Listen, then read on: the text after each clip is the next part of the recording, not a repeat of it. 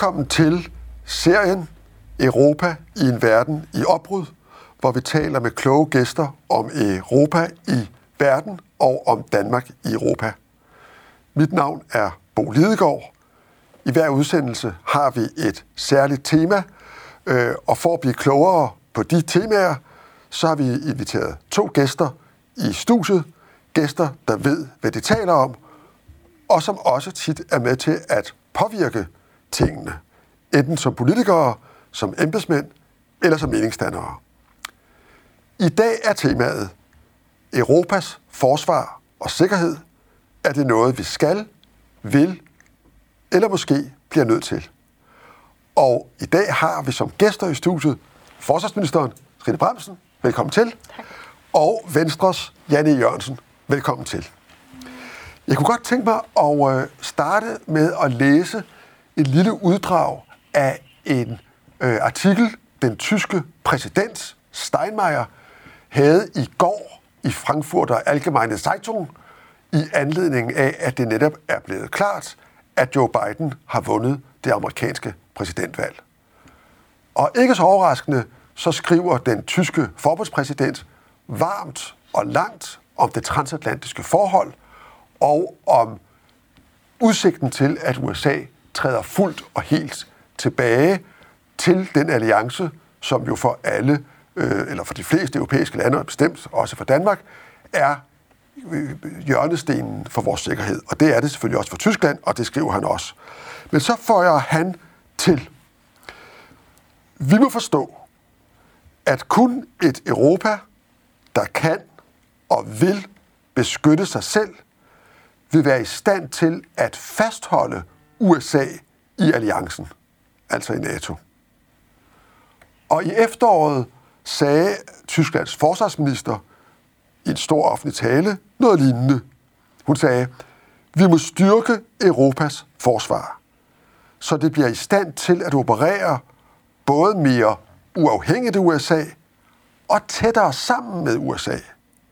Og hun pegede på, at det især galt i Nordafrika, hvor USA må tage, må tage større ansvar, blandt andet for at tæmme migrationsstrømmene til Europa. Og hvis jeg nu vender mig til dig, Trine Bremsen, er du enig med den tyske forfaldspræsident og den tyske forsvarsminister i de her betragtninger? Mere europæisk samarbejde, ja, øh, uden tvivl. Øh, det bliver øh, noget, vi, vi ser allerede mere af det. Vi kommer også til at, se, til at se øh, mere af det i fremtiden. Og vi skal kunne mere selv i Europa. Ingen tvivl om det. Også på forsvaret? Også på forsvaret, ja. Øh, på forsvarspolitikken. Det, det ændrer ikke ved, at øh, den tætte øh, alliance, vi har med USA, og ikke mindst for Danmarks vedkommende i Arktisområdet, der er det jo USA, der er dem, vi har samarbejder aller tæst, øh, tættest med. Den består, øh, men, men at vi skal kunne mere øh, på tværs af europæiske lande, det er, er åbenlyst, synes jeg. Og også, vi har mange fælles interesser, som ikke involverer amerikanerne. Der skal vi selvfølgelig kunne agere selv. Tak. Er du enig? Ja, vi er altså først nødt til at, at rose den der indledning. Jeg tror aldrig, jeg som politiker oplevede at blive introduceret før som et uh, klogt menneske, der ved, hvad han taler om. Så det synes jeg simpelthen var så dejligt. Tak skal du have. Uh, men med hensyn til det, hvor du så, så citerer et, et andet uh, klogt menneske, uh, så, er jeg, uh, så er jeg enig. Uh, og jeg er også enig i, at det samarbejde, vi har på europæisk plan, det skal være mere forpligtende. Og det er jo ikke altså i strid med USA's interesser. Det er i overensstemmelse med USA's interesser, at vi i højere grad kan løfte opgaverne selv, og ikke bare altid skal ringe til onkel Sam, når der er problemer. Men så bliver jeg jo nødt til at spørge jer begge to, når I nu er enige med den tyske forbundspræsident og, og, og forsvarsminister. Øh, det forsvar, de taler om, det er jo det, Danmark står udenfor. Og øh, hvordan harmonerer det med hinanden? Sådan oplever jeg det øh, slet ikke. Øh, det er i hvert fald ikke den praktiske virkelighed, øh, jeg opererer i som forsvarsminister, heller ikke det danske forsvar. Lige nu er vi afsted i Hormuz-strædet med en europæisk mission. Men det er jo ikke det samme som, at det er en EU-mission. Så det at sætte lighedstegn mellem EU og Europa, øh, det synes jeg ikke, man kan. Øh, der er ikke nødvendigvis øh, lighedstegn. Og når øh, lande, der er en del af, det, af EU-samarbejdet på forsvarsområdet, vælger at gå sammen med eksempelvis Danmark, Holland, Italien om at være afsted på en, øh, en, en, en mission i Hormuz, så er det jo fordi, at, at EU har nogle svagheder, har en langsommelighed, øh, har øh, for mange lande, der skal være enige om tingene, øh, men, men vi kan altså sagtens finde sammen på tværs af europæiske lande. Fra den side er vi også med i det, der hedder EI2. Det er, der er britterne også med, og dem vil jeg sige, når vi taler Europa, så kan vi ikke undvære britterne øh, på det forsvarspolitiske øh, område. De er en kæmpe magtfaktor, så det er jo også en, en, en måde, vi kan, kan fastholde øh, dem på. Mind os lige om, hvad I2 er. Øh, jamen, det er en sammenslutning af, af en hel stribe af lande, som øh, har øh, fælles interesser. Det, det er fransk startet, men, men øh, nu drevet øh, på tværs af lande, hvor vi har den samme tilgang til forsvarspolitik. For jeg skal, skal helt at sige, at der er stor forskel på, hvordan eksempelvis Bulgarien og det bulgarske forsvar agerer i forhold til det danske og det hollandske, det norske, øh, som jo også er med i, i, i EI2. Øh. Så det er altså et forsøg på europæiske lande gå sammen øh, og have et, et fællesskab. Ikke et operativt fællesskab. Vi kan ikke beslutte noget, der forpligter, men, men vi har et, øh, et analytisk øh, fællesskab, et strategisk fællesskab. Og hvad siger du øh, til, til det her dilemma med, at øh, du også siger, at vi skal have et styrket europæisk forsvar, men det er vi jo så ikke med i. Det er så de andre, der skal have et styrket europæisk forsvar, eller hvordan er det? Jamen altså, altså, altså Trine har selvfølgelig ret i, øh, i meget af det, du siger, at der er forsvarssamarbejde i Europa, som ikke direkte har noget med øh, EU at gøre. Altså det, jeg synes er så fjollet, det er, at vi har set eksempler på, øh, Øh, militære operationer, som er startet med NATO's øh, ene stjerne øh, på, øh, på siden. Og når den så på et tidspunkt bliver skiftet ud, fordi nu siger NATO, nu må det vist være en EU-operation, og så er det pludselig 12 øh, gule EU-stjerner, der er på siden, så må Danmark øh, trække sig og aktivere vores øh, forsvarsforbehold. Det synes jeg, der er enormt ærgerligt. Men så også det fjollet, at vi ikke sidder med ved bordet, øh, og ikke kan være med til at træffe de beslutninger, der øh, bliver truffet øh, i EU-regi. Og jeg mener, det må stå alle øh, klart, altså, nu blev Donald Trump gudskelov ikke øh, genvalgt som USA's præsident, men jeg tror ikke, at vi skal gøre os nogen forventninger om, at der vil komme sådan en fuldstændig tilbagevenden til de gode gamle dage. Jeg tror, der er øh, også med, med Biden, vil vi se et USA, som i højere grad siger, ej, det her må øh, Europa altså løse selv. Og så er der ingen grund til at opfinde den dybe tallerken, når vi har den i forvejen, nemlig øh, EU. Så i, altså i Venstre synes vi, at vi skal af med forsvarsforbeholdet. Det gavner på ingen måde, øh, og det er kun øh, skadeligt. Ingen katastrofe, men det skader os. Vi er jo i hvert fald nok enige om, tror jeg, øh, øh, øh, at det du sidste her, du siger, at det er jo ikke sådan, at vi vender tilbage til den situation øh, i NATO, som vi var før Trump, øh, og at den verden, vi ser ind i, grundlæggende er en anden, også en anden sikkerhedspolitisk verden, end den, som vi kom fra. Det tror jeg, det, det, det, det er ikke der, vores uenighed kan ligge. Øh, lad, mig, lad mig lige, fordi øh, du var jo inde på, Trine Bramsen, at, at, at, at du vil gerne samarbejde, eller vi vil gerne samarbejde med de andre europæiske lande, det nævner I begge to, men helst ikke med EU som sådan. Men, men nu har jeg kommet her, snart være med at blive med at skyde citater i hovedet på men jeg kan godt lige tænke mig yderligere et lille citat. Det er så fra, fra øh, Ursula von der Leyen, som jo er, er øh, EU-kommissionens tyske præsident, og i den her sammenhæng er det jo ikke helt uvæsentligt, også jo tidligere mangeårig tysk forsvarsminister, så jo altså en kvinde, der har beskæftiget sig også med sikkerhedsspørgsmål og Europas sikkerhed i rigtig mange år. På, øh, øh, her i, øh, øh, i, i starten af, af det her år, der porterede hun i en stor tale, at i løbet af det sidste årti, der har vi europæere lært, øh, hvad det betyder for os at have øh, stabile omgivelser omkring os, i landene omkring os. Fra Ukraine til Middelhavet, fra Balkan til Sahel, så har vi lært at forstå, at vi må investere mere i stabiliteten i de her områder, der omgiver Europa. Det er der, vi kan gøre en rigtig forskel. Og i øvrigt er vi også, siger hun så, øh, de største bidragsydere som udvikler, udviklingsbistand i de her områder. Øhm, faktisk, siger hun, så vi, Europa, øh, investerer mere i de her nærområder omkring Europa, end hele resten af verden til sammen. Og det kan vi kan se i nikker begge to. Men så selvfører hun, men derfor må man også forstå, siger hun, og det er altså EU, der taler nu, at når det kommer til at styre kriser, altså som er ved at udvikle sig, så må vi have en troværdig militær kapacitet, og vi bliver nødt til at lægge fundamentet til en europæisk forsvarsunion. Det er noget andet til NATO. Det er ikke i modstrid med NATO, men det er noget andet. Det der tror jeg simpelthen ikke, hun får opbakning til. Øh, det er i hvert fald, nu sagde Jan øh, Jørgensen før, at øh, det der med, at vi vil sidde med ved bordet, det gør man faktisk som dansk øh, forsvarsminister. Man sidder med øh, omkring øh, bordet. Men øh, altså, jeg oplever også blandt, øh, blandt øh, de, øh, mine kolleger, europæiske forsvarsministerkolleger, at de synes, at den træhed, øh, der er i EU-systemet, den, øh, den, den er problematisk, øh, når det handler om, om forsvarspolitikken. Og det bliver lidt en diskussion om, hvem stiller med nok kapaciteter, og hvem stiller aldrig med kapaciteter. Og det er der jo nogle lande i fællesskabet, der aldrig gør, og det skaber jo en frustration, når der er nogen, der ikke er villige til at, at, at stille op. Der var jeg til gengæld mener, at EU har en kæmpe force kæmpe force, øh, og hvor vi slet ikke kan undvære EU, det er den trussel, som udvikler sig allerkraftigst, og det er cybertruslen. For det kræver lovgivning på tværs af lande. Vi kan ikke have enkelstående lande i EU, som er sådan sikkerhedspolitiske skattely, hvis man kan, kan kalde det det. Altså nogen, der, der ikke har de samme restriktioner. Vi bliver nødt til at stå sammen om sanktioner over for det, hvor vi kan se, at cybertruslerne kommer fra. Kina, Rusland, Nordkorea eksempelvis. Øh, og der har EU altså nogle redskaber, som jeg hverken kan se, NATO har, og som vi heller ikke kan have bilateralt i de fællesskaber, vi har øh, på det forsvarspolitiske område. Men vi skal bare vi skal passe på med, at vi ikke duplikerer hinanden. Øh, altså, og jeg synes, øh, det vi klæde EU, hvis, øh, øh, hvis netop cyber, øh, cyberforsvaret det kom meget, meget højere op på agenten, øh, agendaen, og så blev øh, den, al den her snak om, om, om militær øh, styrkelse, som Frankrig heller ikke ønsker at være en, en, en del af. Det er i hvert fald ikke sådan, jeg, jeg, jeg hører dem. De ser også meget det her bilaterale. Øh, det, det kunne man overlade til NATO. Jeg vil rigtig gerne komme tilbage til cyber øh, om et øjeblik, fordi det synes jeg, vi kan snakke mere om. Det, det er også vildt interessant, og Men, det bevæger ja, sig så hurtigt. Ja, det gør det. Øh, men jeg er alligevel lidt forbavset over, at du øh, siger, at du ikke regner med, at det her kommer til at bevæge sig i Europa. Så du tror, altså, at når både præsident Macron og den tyske præsident igen og igen understreger, at Europa er nødt til at kunne mere selv i nærområdet og have militære kapaciteter.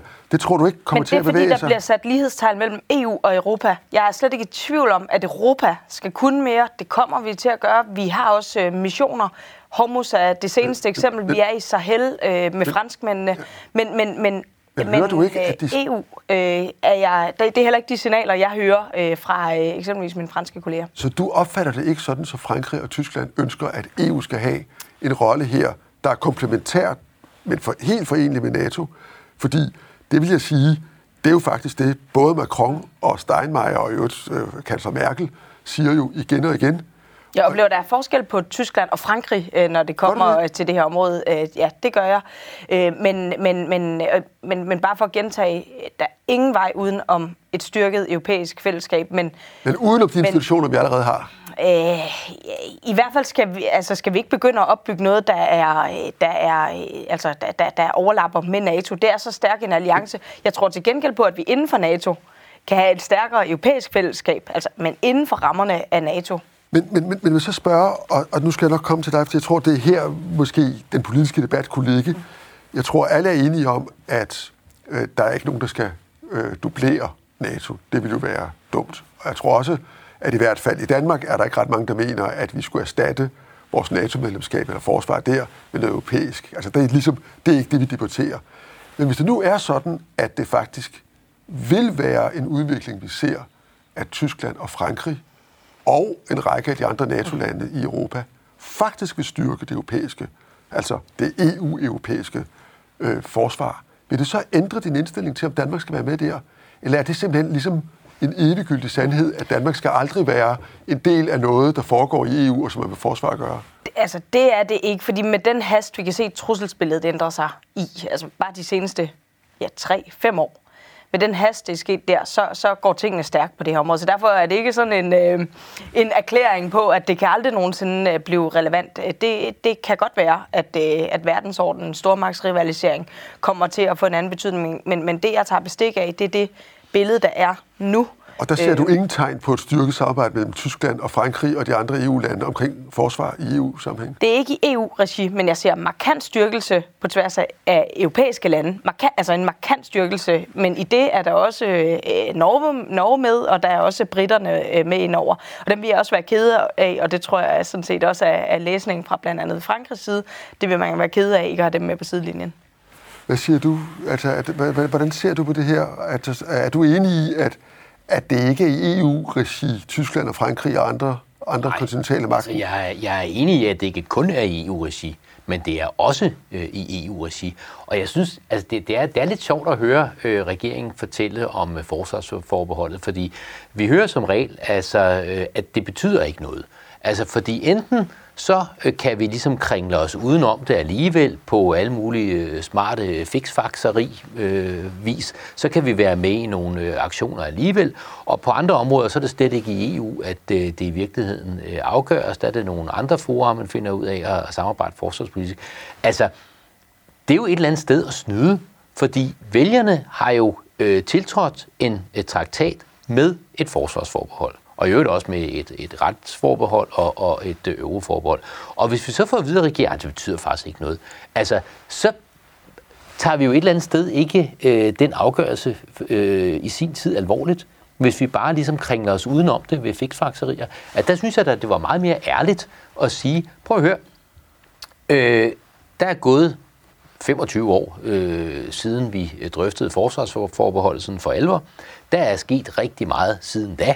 Den her fredsdividende, som vi troede, vi kunne indkassere til evig tid, og nu var der fred og fordragelighed, og for og lam skulle græsse øh, og løver ved siden af hinanden og så videre. Ikke? Det her viser ikke at holde stik. Altså Putin rører på sig igen. Vi kan ikke nødvendigvis regne med øh, USA på samme måde, som vi kunne før. Slet ikke, da vi havde Trump, som decideret troede med at opsige altså artikel 5 i, øh, øh, i NATO-pakken, den her musketeriet. Ikke? Så, så, så derfor er der behov for nu at sige, sige, prøv at høre, der vil være nogle operationer fremover, som bliver vedtaget besluttet i EU-regi. Der skal Danmark øh, da være med.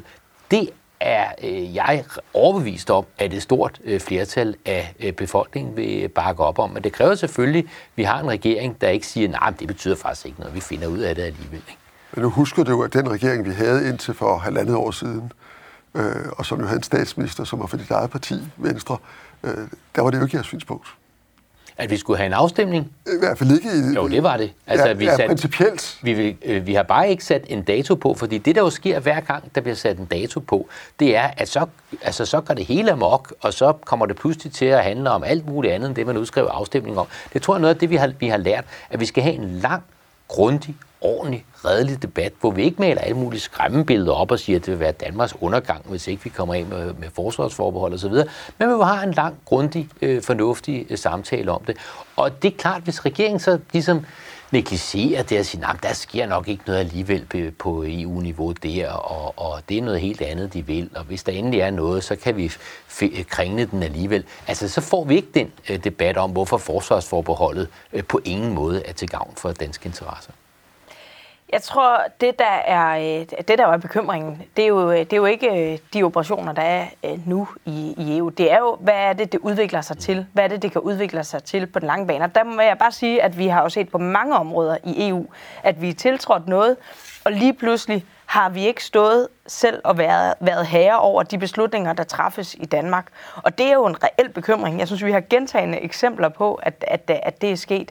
Hvad, og der synes tænker, jeg, at det er helt hvad tænker fair. Du, hvad tænker du, det kunne så være på forsvar? Pludselig, at det ikke er os selv, der beslutter, hvor er det, vores soldater skal, skal sættes hen, hvor det er, er det, vores Det er jo simpelthen forkert, for det er jo mejslet ud øh, i bøjet i næren, skåret ud i pap, øh, mejslet i granit, at der er ingen andre end det danske folketing, der kan sende danske soldater i krig. Men så hvis Danmarks forsvarsminister den dag, hvor, sidder hvor tingene og siger, har ændret sig, ikke? Altså, det, det har vi jo bare set på mange uden, områder. Det kan jo ikke ændres, uden at Danmark i givet fald tiltræder det. Så det synes jeg, der er helt vildt, at du sidder og siger det.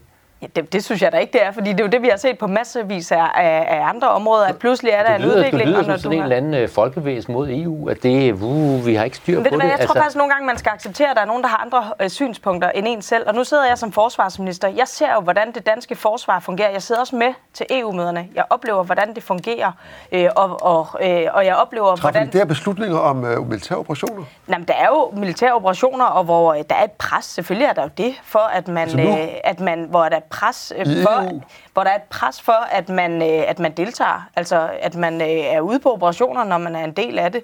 Øh, og, og, og sådan er det jo. Sådan er det jo også i NATO. Øh, selvfølgelig er der et, et pres for, at man hele tiden stiller med flere kapaciteter øh, og, og, og den slags.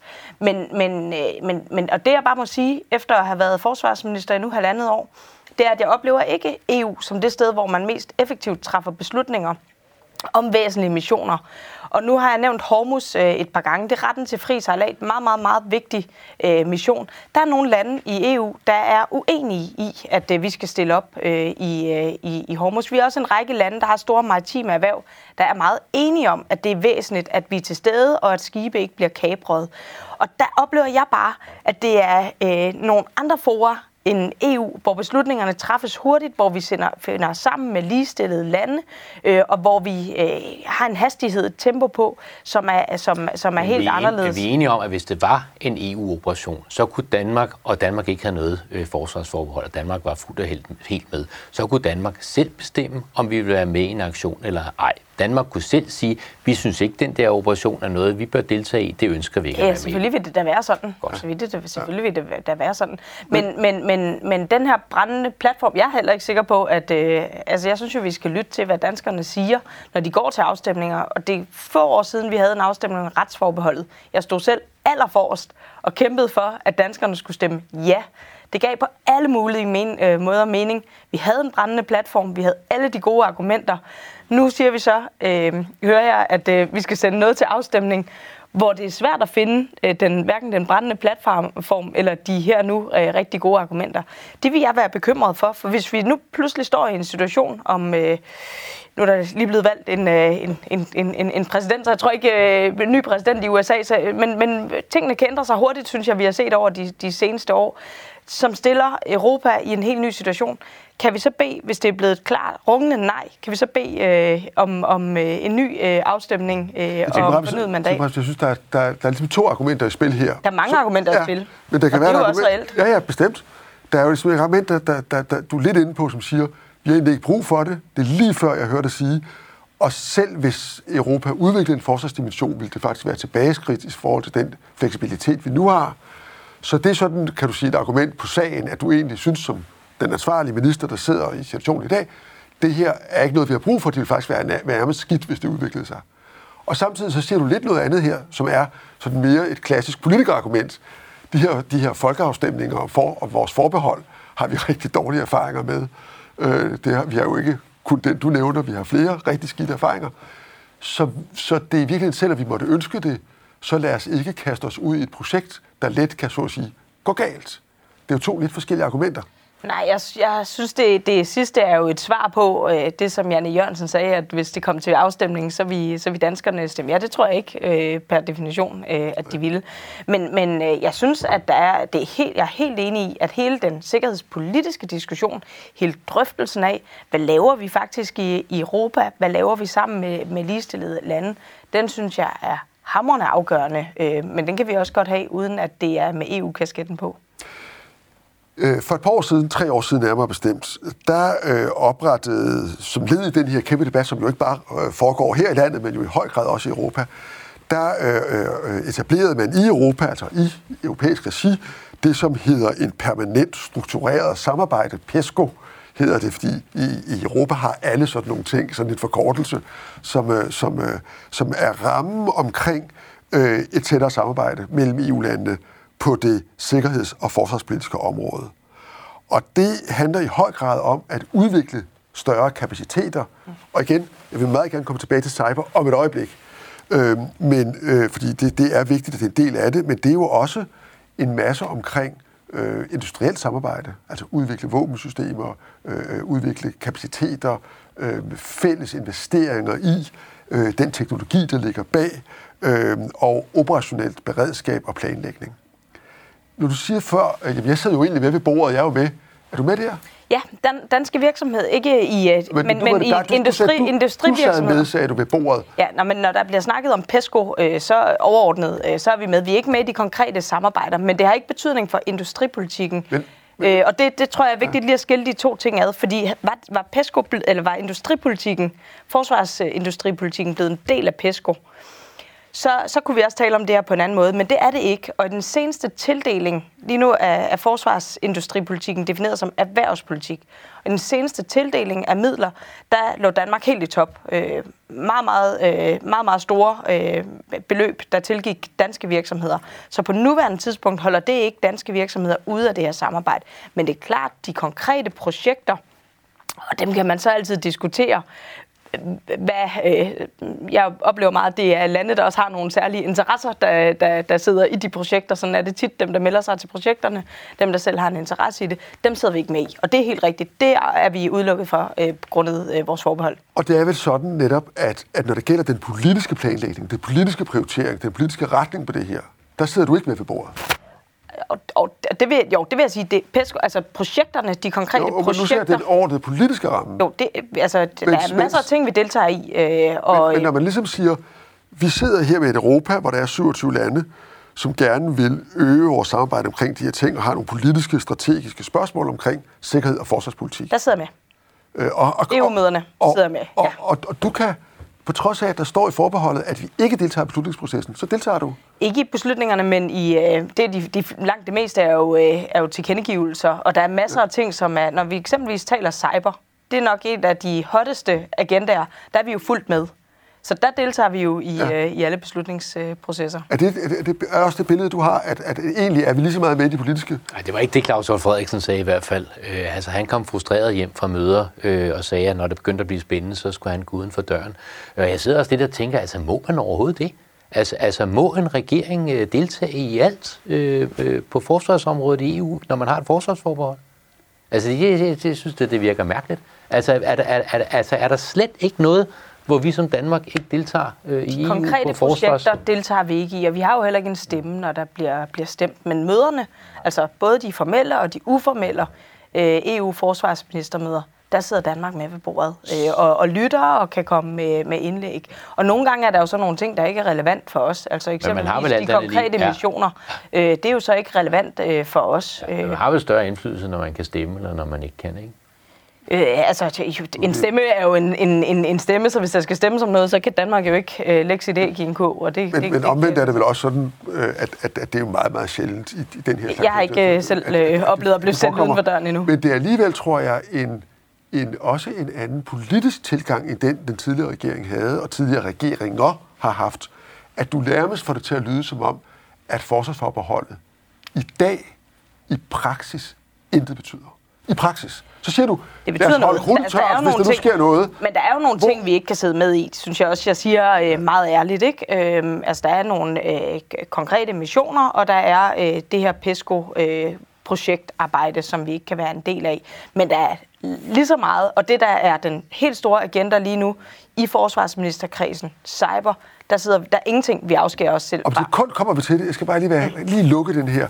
Så det du reelt siger er, at der, når man snakker det, som i virkeligheden resten af Europa taler om, nemlig, hvordan kan Europa, som Steinmeier siger, som Macron siger, styrke en europæisk forsvarsdimension inden for NATO, men som et selvstændigt europæisk kapacitet.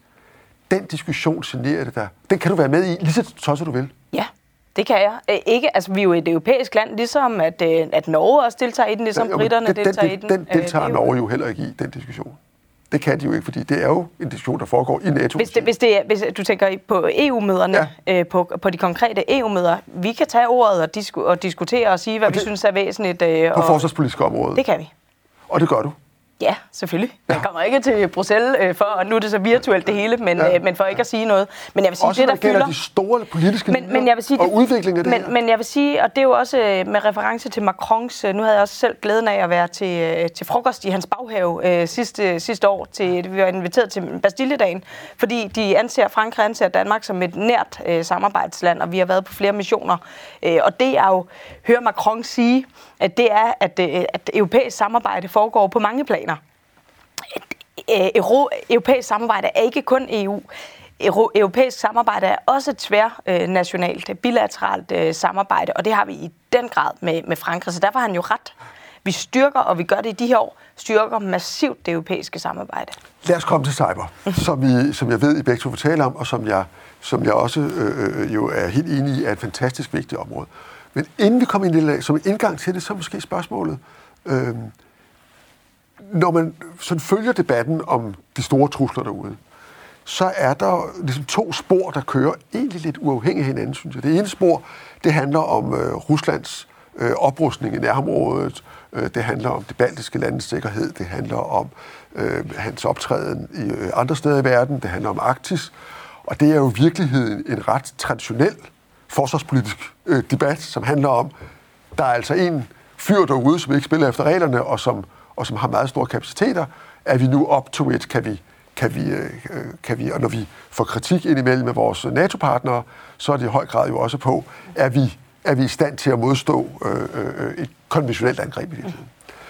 Og så er der en helt anden diskussion, som er den, jeg kan mærke, I i virkeligheden brænder mere for, som er, hvad er det egentlig, der foregår på det her cyberområde, på hele teknologiområdet, og vi ikke, inden vi går ned i cyber, hvordan, hvis du starter, øh, Jan e. Jørgensen, hvordan ser du de her to ting i forhold til hinanden? Altså den trussel, der i virkeligheden kommer ud af denne her, øh, og, og, og, og, og ud af, af de systemer, I har i Folketinget og i regeringen og i industrien og alle vegne, øh, men som jo altså også handler om den offentlige debat og hvem der har indflydelse på den, i forhold til hardware, fly, mm. der, der kommer tæt på vores territoriale grænser, øh, øh, sovjetiske, russiske kapaciteter, som, øh, som bygger op. Hvordan, hvordan, hvordan ser du forholdet mellem de to ting? Ja, altså jeg vil trods alt hellere øh, hackes og øh, ikke have nogen strøm, end øh, jeg vil have en bombe i hovedet. Så altså, den konventionelle øh, fare er jo også øh, interessant, fordi konsekvenserne af den er, er så voldsomme. Og voksne? Men, men, og, øh, og voksne, helt sikkert.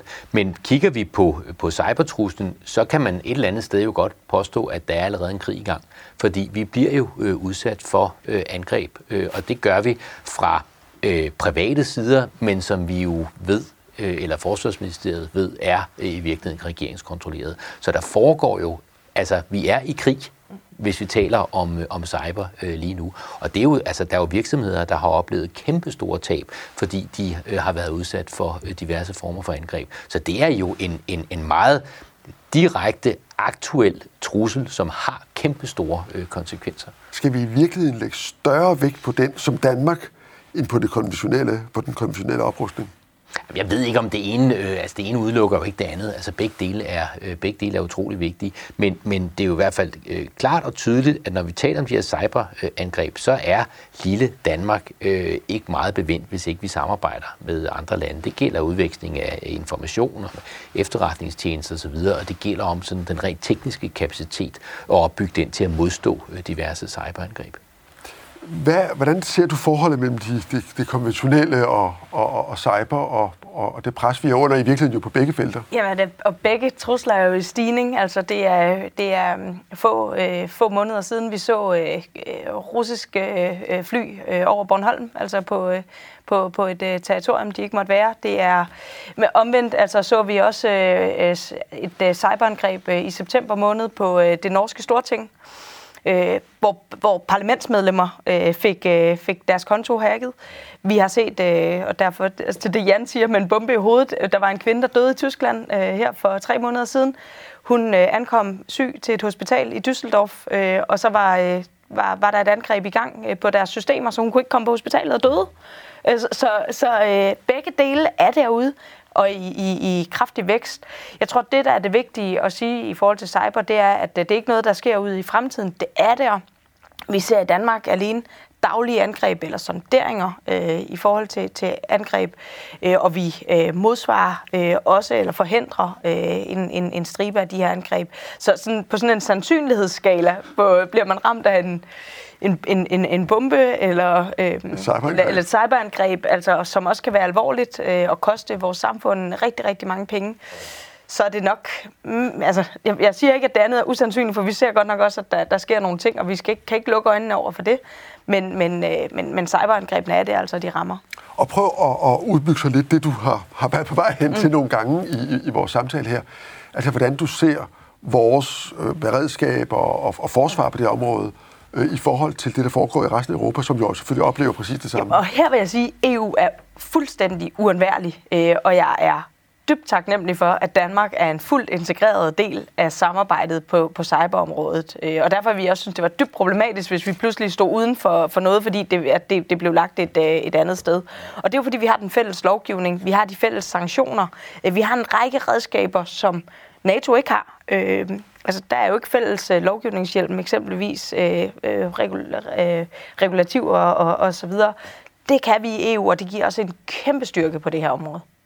Øh, vil I ikke begge to prøve at afgrænse os lidt, fordi øh, hvor, hvor cyber ender henne? Fordi det er jo, sådan som jeg opfatter det i hvert fald, en, en, en glidende overgang fra sådan, man kan sige, ondskabsfulde øh, angreb på vores samfundsinstitutioner, vandværker, elektricitetsværker, folketing, regering, øh, virksomheder, som egentlig handler om at ødelægge eller forstyrre de systemer, som vi jo i stigende omfang er afhængige af for, for hele vores samfunds øh, digitale fungeren. Og så kommer det jo længere og længere ud i også noget, der har med den offentlige debat, den politiske debat, ytringsfriheden at gøre, og hvor vi jo også igen ser i Europa, senest her efter øh, terrorangrebene i Frankrig, øh, et Frankrig, som øh, i EU er meget offensiv med at sige, at vi er simpelthen nødt til at gå længere i retning af at kontrollere, hvad der bliver sagt på internettet, hvad der bliver spredt på internettet. Vi er nødt til at have en, en strammere lovgivning på EU-plan for, hvad der overhovedet er lovligt øh, at foretage sig på internettet. Og det er klart, det vil jo franskmændene også til hver tid indrømme, det er jo øh, indgreb, der, der skaber dilemmaer i forhold til det, som vi jo også sætter meget højt øh, i hele Europa, vores ytringsfrihed. Ikke? Men hvor ser I den her cyberkrig ender, og hvor begynder den i forhold til de her spørgsmål? Men altså ligesom, øh, om jeg så må sige, konventionelle krige, så har vi jo set en øh, kæmpe udvikling, hvor det jo ikke længere nødvendigvis bare er lande, der ligger og slås med andre lande. Altså at man kan se dem i de blå uniformer med øh, flaget og trummen, det er fjenden, og det er dem, vi skal skyde på. Ikke? Øh, der har krig jo udviklet sig, øh, sådan så det jo i dag ikke længere nødvendigvis er stater, øh, der står bag krig, men jo meget ofte øh, altså sådan nogle illegale kombatanter, altså islamisk stat eller Taliban eller terrorgrupper rundt omkring, som jo øh, kan være lige så øh, skadelige som, øh, som staters angreb, og som jo ikke øh, føler sig forpligtet, og det er de jo heller ikke af konventioner og andet, fordi det er jo noget, som, som stater har vedtaget, altså krigens love, øh, Genève-konventionen osv., det er jo indgået mellem statsmagter, og så er der jo øh, nogen, som øh, render rundt og, og, og forvolder ulykke, hvad enten det er øh, gisseltagning og halshugning, eller det er øh, cyberangreb, som jo slet ikke, øh, slet ikke spiller efter de her regler, som vi andre øh, spiller efter. Så det er ligesom den ene side, det er dem, der deltager i krigen øh, mod os, er en meget, meget broet øh, skare og flok. I, og så har du så den teknologiske udvikling med cyber, som jo gør, at man i meget vidt omfang har mulighed for at være anonym og kan være meget, meget vanskelig øh, at, at finde for øh, efterretningstjenester, myndigheder osv. Ikke? Så, så, så, så det er jo en, et, et helt nyt øh, trusselsbillede, som er meget svært at forholde sig til. Men du er enig med forsvarsministeren i, at det er vigtigt, det, at det vi gør som Danmark, at det foregår i europæisk regi og udvikles i europæisk regi? Ja, det er enormt vigtigt, fordi og cybertruslen er jo i sin natur grænseoverskridende, øh, og derfor er det vigtigt, at vi har øh, fælles øh, efterretninger, fælles øh, regelsæt osv., så vi i højere grad kan komme efter dem. Og der kommer vi jo også, altså der, nu, nu talte du så om ytringsfrihed, der, der har vi jo også nogle udfordringer, fordi der, det er jo noget, vi ser lidt forskelligt på landene imellem. Altså Tyskland, jo ikke mindst kvad deres historie, har jo et forhold til ytringsfrihed, som gør, at de har nemmere ved at gå ind og forbyde øh, nazister eller øh, hisbutaria, eller hvad det nu måtte være, hvor vi jo i Danmark traditionelt har været meget, meget tilbageholdende med at gå ind og, og forbyde organisationer. Så der ser vi jo også nogle udfordringer der, ikke? Ja, jeg er helt enig øh, med det, som Janne Jørgensen siger. Hvis jeg sådan skal prøve at putte det lidt i kasser, hvad er det for nogle trusler, vi, trusler, vi ser, så ser vi øh, desinformationskampagner, altså forsøg på at påvirke politiske systemer, påvirke debatter. Øh, Øh, vi har i særdeleshed set det under corona også, altså hvor EU fik nogle ordentlige hug, øh, også øh, uberettiget, øh, altså, men jo et åbenlyst forsøg på at destabilisere EU. Øh, NATO fik, fik det samme. Øh, så ser vi øh, ransomware-angreb, det er nok det, der er mest udbredt, øh, hvor man låser informationer en virksomhedsinformation og myndighedsinformationer afkræver penge for at få dem ud igen. Og så er der der, hvor, vi, hvor, hvor, hvor man smadrer øh, oplysninger, øh, smadrer øh, noget, går ind og ødelægger. Og så er der selvfølgelig almindelig spionage, altså at man opsnapper øh, oplysninger. Øh, men... Øh, men, men altså, det, er jo, det, er jo, det er jo en kæmpe øh, pulje, øh, der skal håndteres øh, på en og samme tid. Og det, jeg tror, der er det vigtige, at øh, vi gør, særligt i et land som, som Danmark, hvor vi har Øh, set udvikling først, og brug, altså, haft meget travlt med at blive digitaliseret, det er, at vi, vi jo har nu vendt det på hovedet, så vi siger sikkerhed først så kan det godt være, at 5G kommer lidt langsommere eller nogle andre teknologier, men vi bliver nødt til at have sikkerheden på plads, før vi, øh, øh, før vi øh, går videre. Og jeg vil faktisk sige, noget af det, der har været rigtig bekymrende bare det seneste halve år, og det, det er jo altså at sidde som forsvarsminister, og så kan man se, at truslerne bare udvikler sig over så kort tid, det er jo, det er jo helt vildt. Øh, men det er, at, øh, at man behøver ikke være computerspecialist mere. Man kan købe de her ydelser, man kan købe et ransomware-angreb, så der kan sidde nogen, der er kriminelle, så kan de købe ydelserne af nogen, der er øh, ja, mindre kriminelle, eller i hvert fald har den teknologiske viden. Og den der kombination der, den gør det jo uhyre farligt, både for virksomheder, øh, myndigheder og almindelige borgere. Men, men hører jeg jer sige begge to i virkeligheden, at over for den her trussel, som jo netop er sådan også en, der hele tiden ændrer sig lidt, og du det er jo rigtigt, du, du kan dele det op i nogle kategorier, men så opstår der hele tiden, som vi, som vi også er inde på begge to, nye ting, der foregår ude i hjørnerne af det, og som vi ikke lige har set komme, og så sker det alligevel. Men, men hører jeg sige, at I egentlig er trygge nok ved, og faktisk synes, det er et sted, hvor EU, hvor vi bliver nødt til at inden for rammerne af EU, sætte nogle fælles normer, lave noget fælles lovgivning, som måske også netop kommer til at omfatte, at vi kommer lidt tættere på hinanden i, hvad vi opfatter som grænserne for, for eksempel, hvad man må sige på internettet, og hvordan vi placerer ansvaret hos dem, der spreder for eksempel meget hadefuld tale, eller skaber, som det skete i Frankrig, en lønstemning omkring en lærer, øh, fordi han er passet, øh, hvad vi vil opfatte som gjort sin pligt og, og passet sit arbejde. Så, så der tænker jeg i virkeligheden, at der bliver vi nok nødt til at, også som Danmark, at sige, her arbejder vi altså sammen i EU, og vi må udvikle nogle fælles normer for, hvad vi vil tillade, og nogle fælles regler for, hvordan vi vil stille aktører til ansvar. Det man også skal huske, det er mange, mange, mange af de, ja, ja, ja, ja. Jamen, vi kan ikke gøre det uden EU, og jeg oplever faktisk, at vi fra dansk side står sammen, også på tværs af, af folke, det danske folketing, vores europaparlamentarikere, øh, og at, øh, at vi i høj grad er dem, der pusher den her øh, dagsorden her. Øh, det gjorde min forgænger, det gør jeg nu, øh, i forhold til at få den, få den op på agendaen. Jeg vil sige, der er vi et af de lande, der går forrest øh, i øh, Danmark i forhold til både at kræve øh, rammer og lovgivning, men også det her med at sætte, stille krav til, til teknologier. Og så kan man jo håbe på, at, øh, at, at EU følger med. Min bekymring kan være, at der er nogle lande, der enten fordi de er meget økonomisk presset, at, øh, eller andre årsager, ideologiske årsager, at de så tænker, at vi står, står udenfor, og dermed skaber de jo en svaghed i, øh, i EU. Altså, det er jo meget heldigt, at vi slet ikke havde den debat tilbage, da vi diskuterede Edinburgh og Maastricht, fordi så havde vi jo sikkert fået et cyberforbehold fra dansk side. Ikke? Men prøv at tænke på, hvor hurtigt øh, tingene er gået. Ikke? Og, og, og noget af det, som jo også øh, gør, at den her trussel er så svær at forholde sig til, det er jo det tempo, øh, tingene sker med. Altså, der er en, der kan øh, beslutte sig for øh, at hugge hovedet af en eller anden, og så kan han livestreame det og lægge det op på diverse tjenester.